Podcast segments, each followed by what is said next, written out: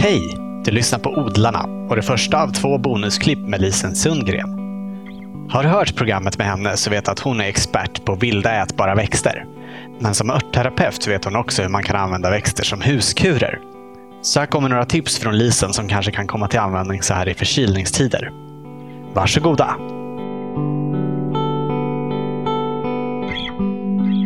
Förkylning, som tur är så finns det en väldig massa kurer. Det bästa man kan göra det är ju, det är ju förebygga. Och det gör man ju med så här god sömn, regelbundna måltider, bla bla bla. Men just specifikt med, med växterna då så så är pepparrot en fantastisk växt. Dels kan man ju äta den lite regelbundet om man har nedsatt immunförsvar. Bland annat kan man göra en eldvinäger. Som, det kommer finnas recept på den i boken. Men I den alltså, nya boken? Som ja. Mm. Eh, och det finns också i Lisens gröna värld. Man river pepparrot, ingefära, hackar vitlök, chili och så får det dra i en vinäger som man kan ha i maten. Mm. Men om man börjar få en antydan till förkylning så kan man eh, käka pepparrot. Ingefära är ju fantastiskt bra. Att man gör en kur på riven ingefära som får sjuda i vatten. Drick med saften av en halvpressad citron till en kopp och en gnutta cayennepeppar. Otroligt läkande växter.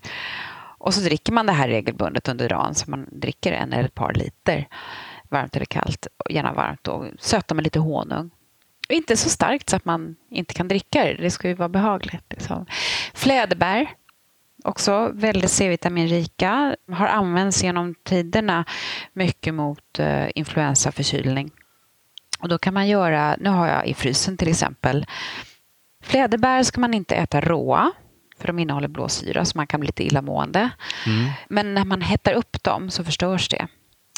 Och då kan man till exempel på hösten när man plockar sina fläderbär koka en sirap. Man kokar ner dem i socker helt enkelt och så har man den i kylskåpet. Så när man börjar få sina första förkylnings eller influensasymptom så tar man en matsked sirap i hett vatten och dricker varannan timme, kanske eller till och med en gång i timmen under dagen. Ska man dricka en gång i timmen räcker det med en, en tesked tills symptomen hävs. Eh, fläderblom kan man gärna torka på sommaren och dricka vid influensa och förkylning. Och röllika, blanda gärna röllikablom och fläderblom, lika delar. Och drick regelbundet under dagen. Mm. Timjan är också en fantastisk förkylningsväxt, en av de främsta. Vanlig odlad kryddtimjan går jättebra, eller backtimjan om man råkar ha det hemma torkat på vintern. Den är extremt bakteriedödande har använts genom århundraden vid luftrörsinfektioner, luftrörskatarr, hosta. Och då kan man om man har en förkylning, antingen har man gjort en timjansirap eller så har man sin torkade timjan och så lägger man en eller två teskedar i en kastrull med ett par deciliter vatten och så får det sjuda någon minut under lock och så får det dra och så dricker man det. Och drick gärna regelbundet under dagen och innan man går och lägger sig med lite honung om man vill. Det är också slemlösande. Vad man kan göra också som faktiskt är väldigt effektivt, för timjan framkallar en svettning. Det påverkar kroppens termostat. Och så kokar man upp en stor kastrull med en handfull timjan.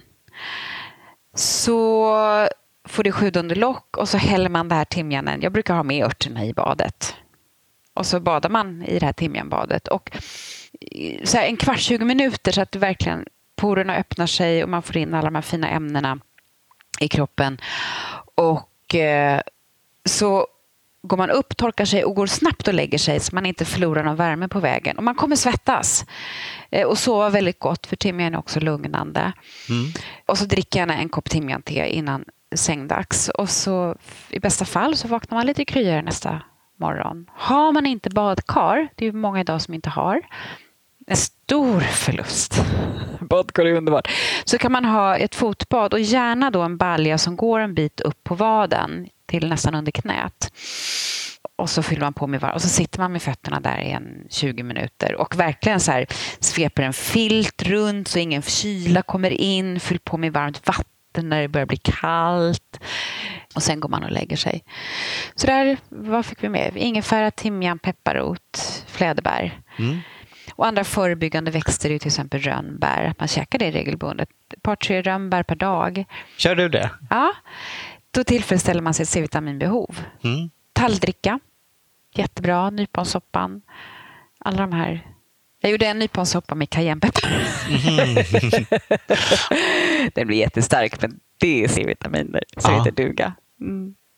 Om det är sån här huvudvärk av bihålor så kan det vara bra att göra ett ångbad. Då kokar man upp vatten och lägger i till exempel faktiskt pepparrot eller tallbär, något sånt öppnande. Och eh, så lutar man sig över den här. Man, stänger av, man, man kokar upp vattnet, lägger i örterna, stänger av värmen, tar av locket och tar en handduk över huvudet och gör som ett sånt här tält andas in ångorna. Pepparroten öppnar upp bihålorna. Och så får man ha snytpapper nära. Mm. Låter som det kan bli så starkt. Ja, det blir starkt. Och ögonen tåras, allting tåras. Mm. Och så se till att gå och lägga sig tidigt. För att det finns ingen kur som slår vila och sömn och varma bad när det gäller förkylning.